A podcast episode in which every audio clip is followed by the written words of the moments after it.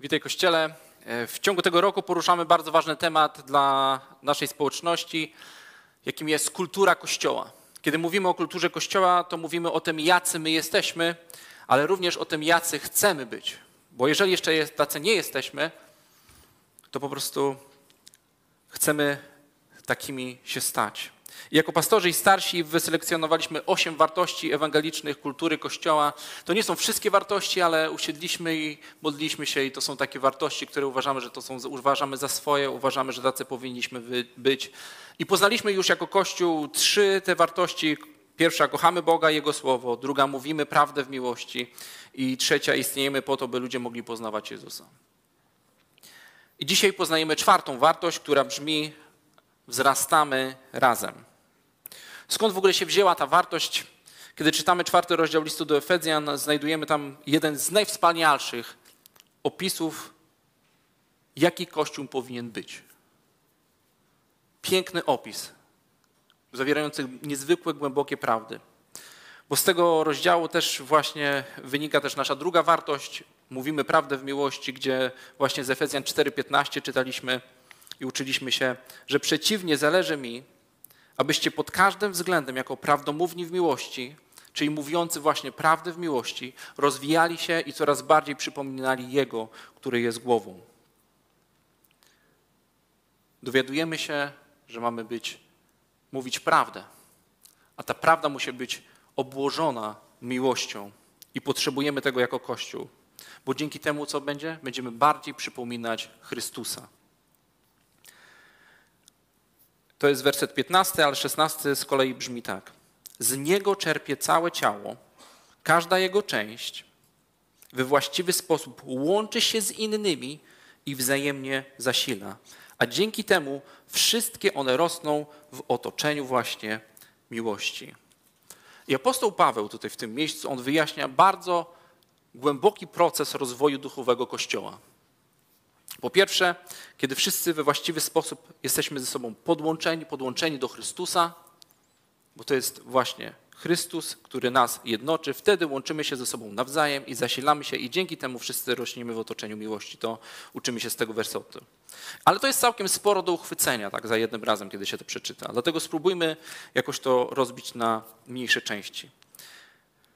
Werset 15 e, i 16. Mamy zatem Chrystusa, który jest, który jest wspomniany właśnie, który mamy końcówkę tego wersetu 15, nawet jak śledzimy tutaj to na ekranach, widzimy, że On jest głową.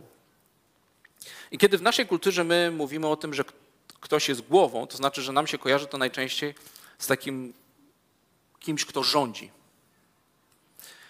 Ale dla ludzi żyjących w pierwszym wieku głowa nie kojarzyła się z narządem do podejmowania decyzji, procesu decyzyjnego. Takim narządem, jeżeli chodzi o Biblię, to co widzimy, raczej, że takim narządem procesu decyzyjnego jest serce.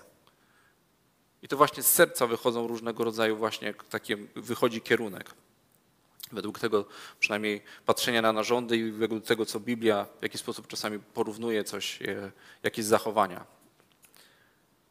Poza tym, kiedy my tutaj patrzymy, to widzimy sobie tutaj to słowo greckie właśnie głowa, które mówi ono, ono mówi w ogóle o przewodzeniu, ale nie, nie mówi o przewodzeniu takiego, jak czasami nam się wydaje, takiego kogoś autorytarnego, kogoś, kto po prostu ma dominować i e, nie, nie patrzy na innych, ale to prowadzenie, które tutaj jest, właśnie to słowo greckie, ono dotyczy kogoś, kto idzie na wojnę i idzie w pierwszej linii. To jest kogoś, kto wie, w, gdzie chce zabrać ludzi, ale jest równocześnie gotowy na poświęcenie jako pierwszy. Nie wiem, czy widzicie to, kiedy to czytamy to w kontekście Chrystusa. On dokładnie taki jest. On idzie w pierwszej linii i jest gotowy na największe poświęcenie. Poza tym, to słowo właśnie głowa, ono jest tak niesamowicie pojemne, ponieważ oznacza ono również źródło. Co logicznie wiąże się z tym, że właśnie Chrystus jest głową, czyli tym źródłem i mamy rozpoczęcie wersetu 16, gdzie mam napisane: Z niego czerpie całe ciało. I to się znowu kolejny raz wspaniale łączy, ponieważ mamy źródło, czyli głowę, źródło życia, z którego my, jako Kościół, mamy czerpać. Podchodzimy do źródła i naczerpujemy tej wody żywej. On jest źródłem. Dlatego właśnie mamy, każdy z nas ma z niego czerpać. Kiedy rozpoczęliśmy w ogóle tą serię, e, kiedy zaczęliśmy mówić o kulturze Kościoła, to mówiliśmy o tym, że my przede wszystkim jesteśmy chrześcijanami. Zanim jeszcze powiedzieliśmy o jakiejkolwiek wartości, powiedzieliśmy, my przede wszystkim jesteśmy chrześcijanami. Chrystus jest dla nas najważniejszy.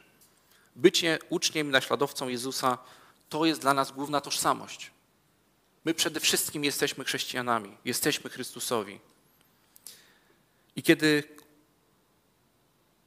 dla Kościoła Chrystus jest na pierwszym miejscu, to co się dzieje? Czytamy właśnie, że co się dzieje? Chrystus jest najważniejszy, On jest głową. On łączy się ze sobą nawzajem i się zasila. Czyli takie połączenie ze sobą nawzajem i zasilanie. Zachodzi ten bardzo ciekawy proces, tak? Jak mamy lampkę, jeżeli chcemy ją zapalić, to potrzebujemy ją podłączyć do kontaktu. I kiedy ją podłączymy do kontaktu, do źródła, to wtedy ona zaczyna świecić. Prąd zasila ją i ona wtedy zaczyna świecić.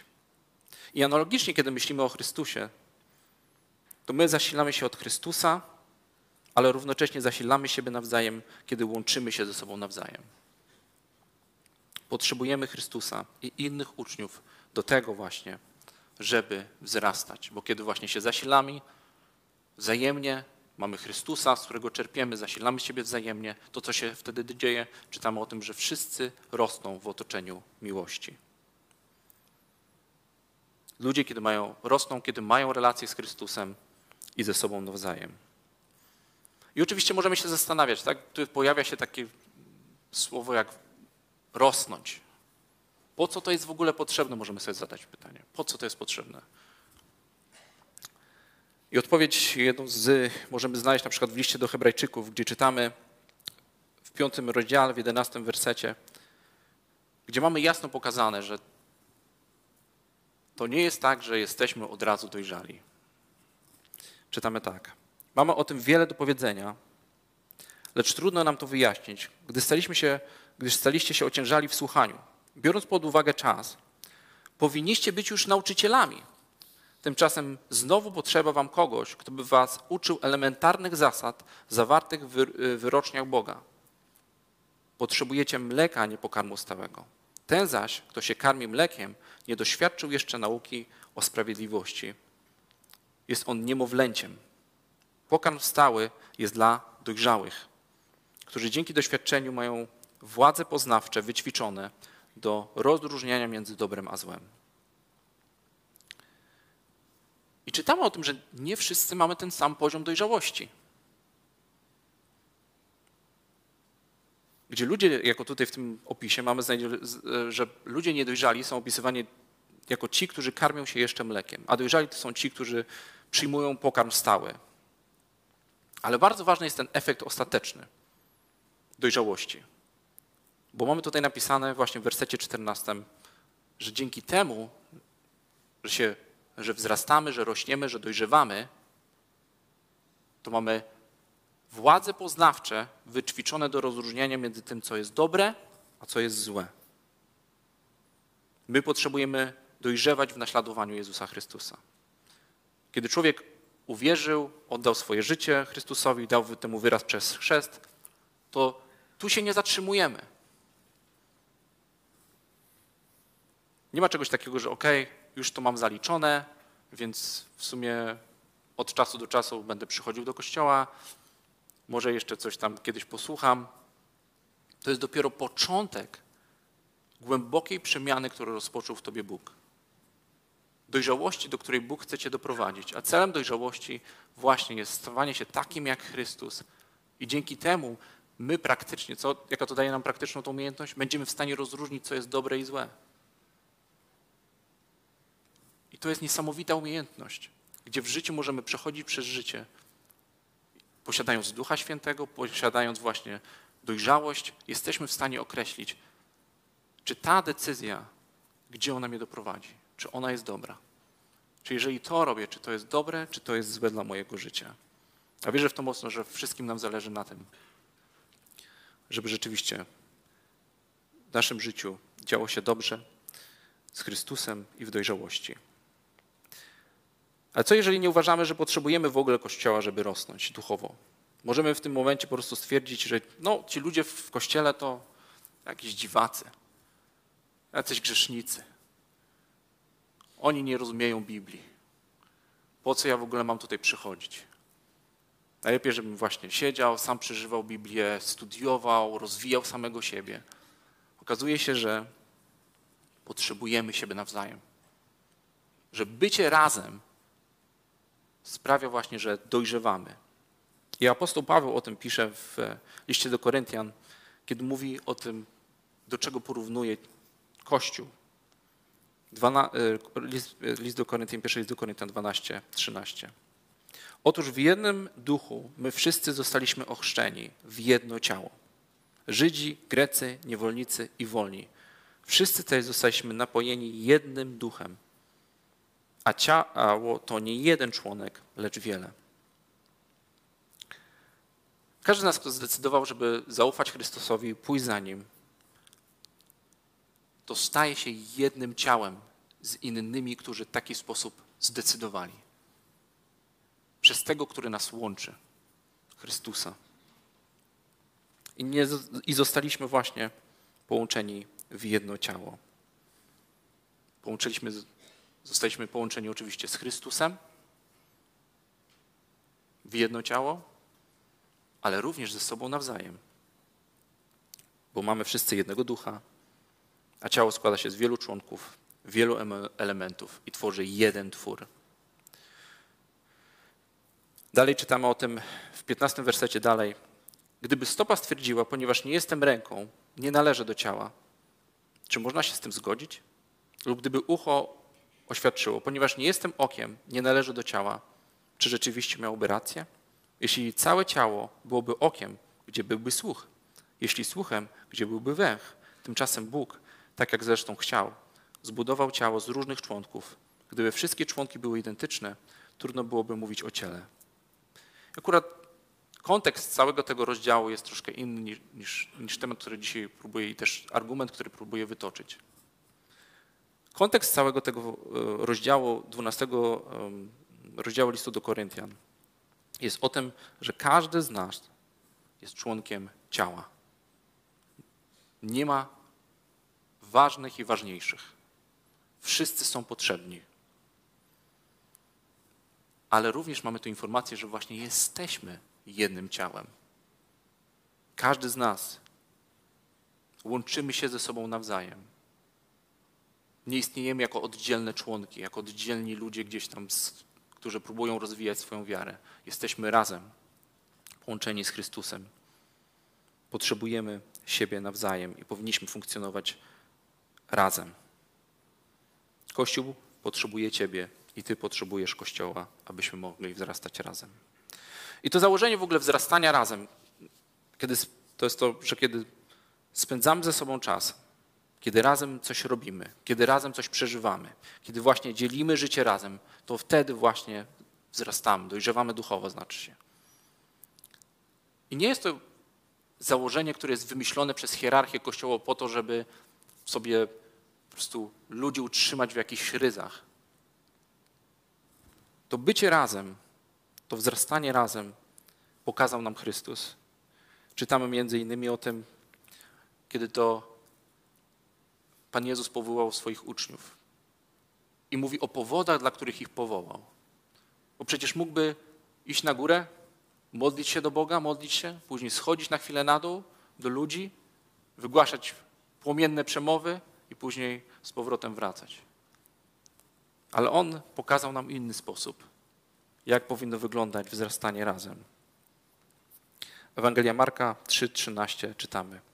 Następnie wszedł na górę, po czym przywołał do siebie tych, których on sam chciał, a oni przyszli do niego i powołał dwunastu, których też nazwał apostołami.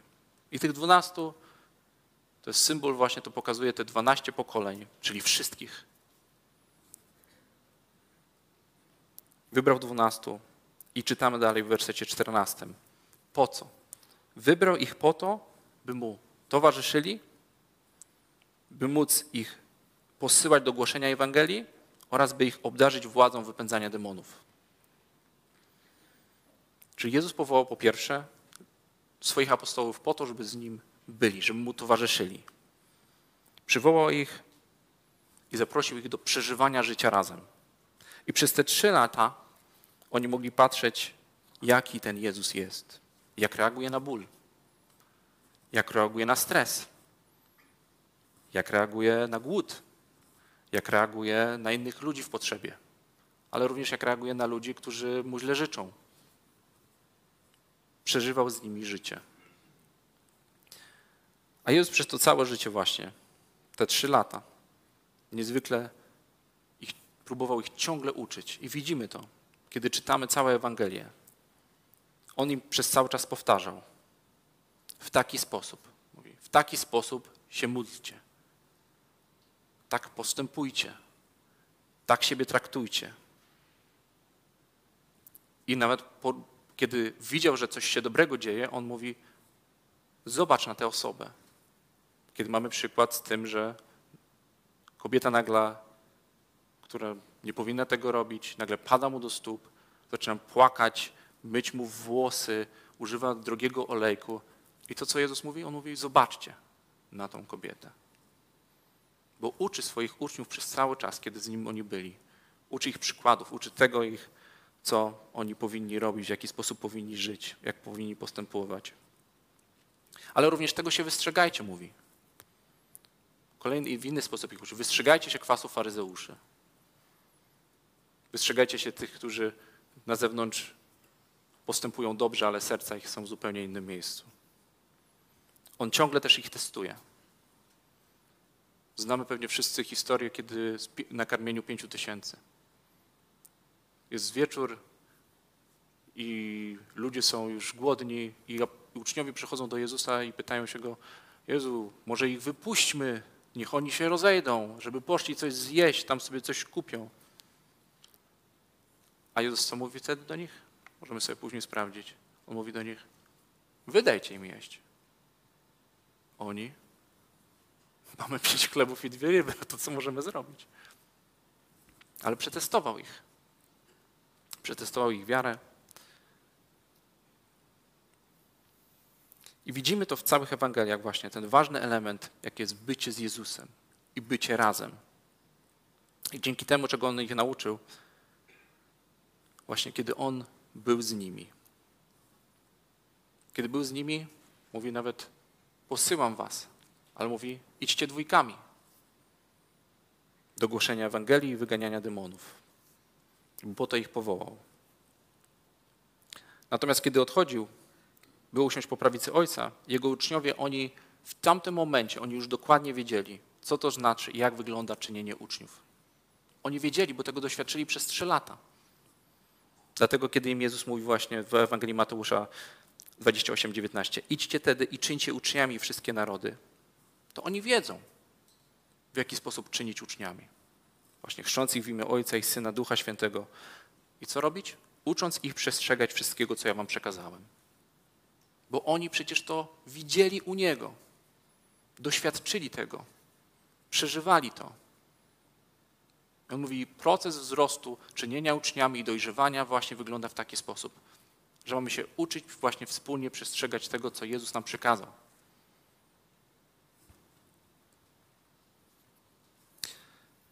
Oni wiedzieli. Dlatego, kochane Kościele, dlatego jeżeli chcemy się stawać dojrzałymi uczniami Jezusa, potrzebujemy siebie nawzajem.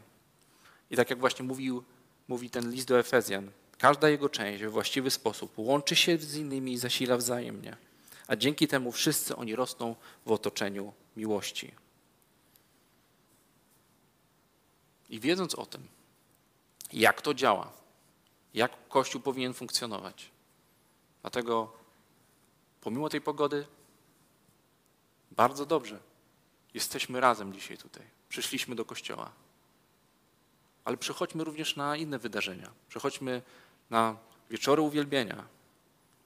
Spróbujmy zrobić w taki sposób, zaorganizować nasze życie, żeby dołączyć do małej grupy. Żeby być razem. Możliwe, że to jest potrzebne również to, żeby, jeżeli przychodzimy do kościoła i ciągle jesteśmy anonimowi i ciągle gdzieś brakuje nam tych relacji, czasami właśnie nie mamy możliwości relacji, zaangażujmy się w służbę. Służba jest znakomitym miejscem, gdzie możemy razem przeżywać, robić rzeczy. Nie tylko przychodzić i słuchać i wychodzić, ale właśnie robić rzeczy. Spędzać ten czas razem.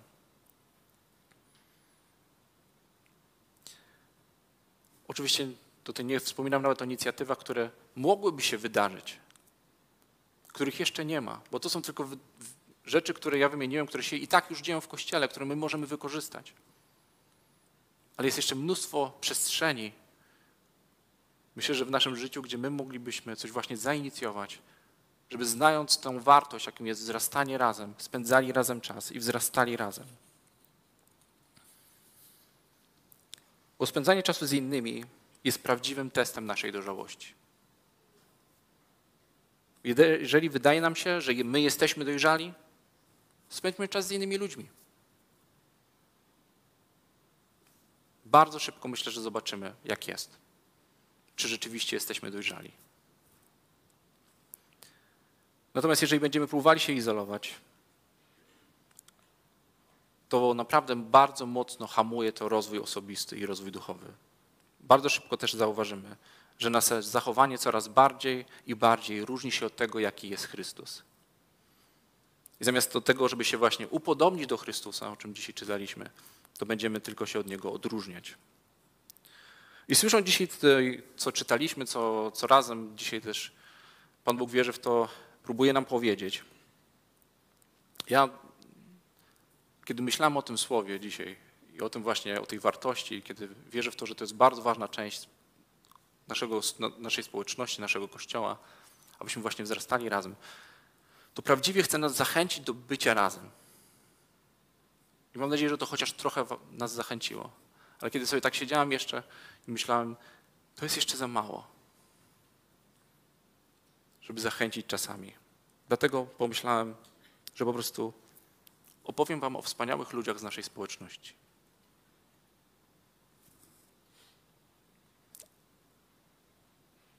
Dlatego powiem Wam o przepięknych ludziach, jakimi jest Beata i Andrzej Białeccy, którzy pomimo tego, jak trudny mają czas obecnie, cały rok ten w swoim życiu, przechodząc przez różnego rodzaju trudności, oni założyli grupę dla małżeństw, która nikt o nich o to w sumie nie prosił, ale sami widzieli potrzebę, zainicjowali ją i do swojego domu zapraszają małżeństwa, z którymi przechodzą przez kursy małżeńskie, pomocowe. To są ludzie, którzy, oni przyszli do nas i mówią, my otwieramy swoje podwórko w ciągu lata, aby wszyscy mogli przyjechać pozwolili nas w wyświetlanie swoich, przebomali RODO, pokazali swoje numery telefonów, swój adres domu, gdzie mieszkają. Ponieważ bardzo oni właśnie rozumieją dobrze tą wartość, jakim jest właśnie bycie razem, wzrastanie razem, że potrzebujemy razem do wzrastania. Dlatego chciałbym wam opowiedzieć o takich wspaniałych ludziach, jak jest Patrycja Grzegorz Piwowar. To są ludzie, którzy są odpowiedzialni za BOR, czyli Biuro Ochrony Rodziny. To są ludzie, którzy pomimo swoich ogromnych obowiązków, trójki dzieci, oni poświęcają czas, żeby organizować obozy dla, dla rodzin, które są naprawdę pełne miłości, atrakcji, dobrego humoru, potrzebnego nauczania. Zrzeszają grupę innych małżeństw, aby współtworzyć razem z nimi właśnie i to wydarzenia dla małżeństw jako Biuro Ochrony Rodziny i, i te obozy rodzinne rok w rok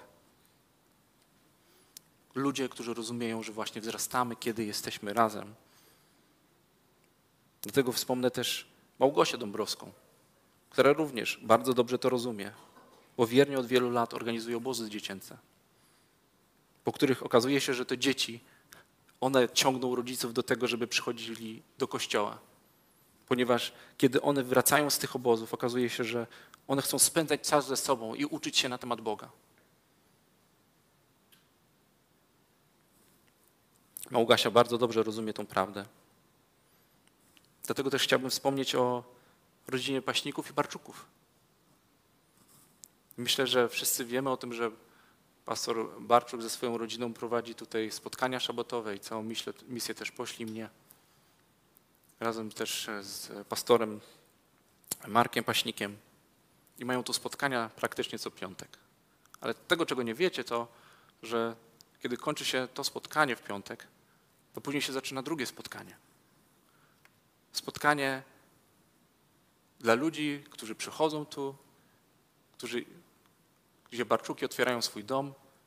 Bardzo dużo ludzi przychodzi do ich domu. I siedzą tam, rozmawiają, rozmawiają o Bogu, o życiu. I ja to wiem z kilku rzeczy. Ponieważ ludzie mi mówią, że oni kiedy tam właśnie usiedli u nich na, tym, na tej kolacji i rozmawiali, to było bardzo dla nich pomocne. Ale inna rzecz jest taka, że to są takie dobre spotkania, bo ja jestem ich sąsiadem. Mieszkam pod nimi. Moja sypialnia jest od strony klatki. I słyszę, jak czasami jest po 12 godzinie i słyszę rzesze ludzi, którzy schodzą nagle po schodach.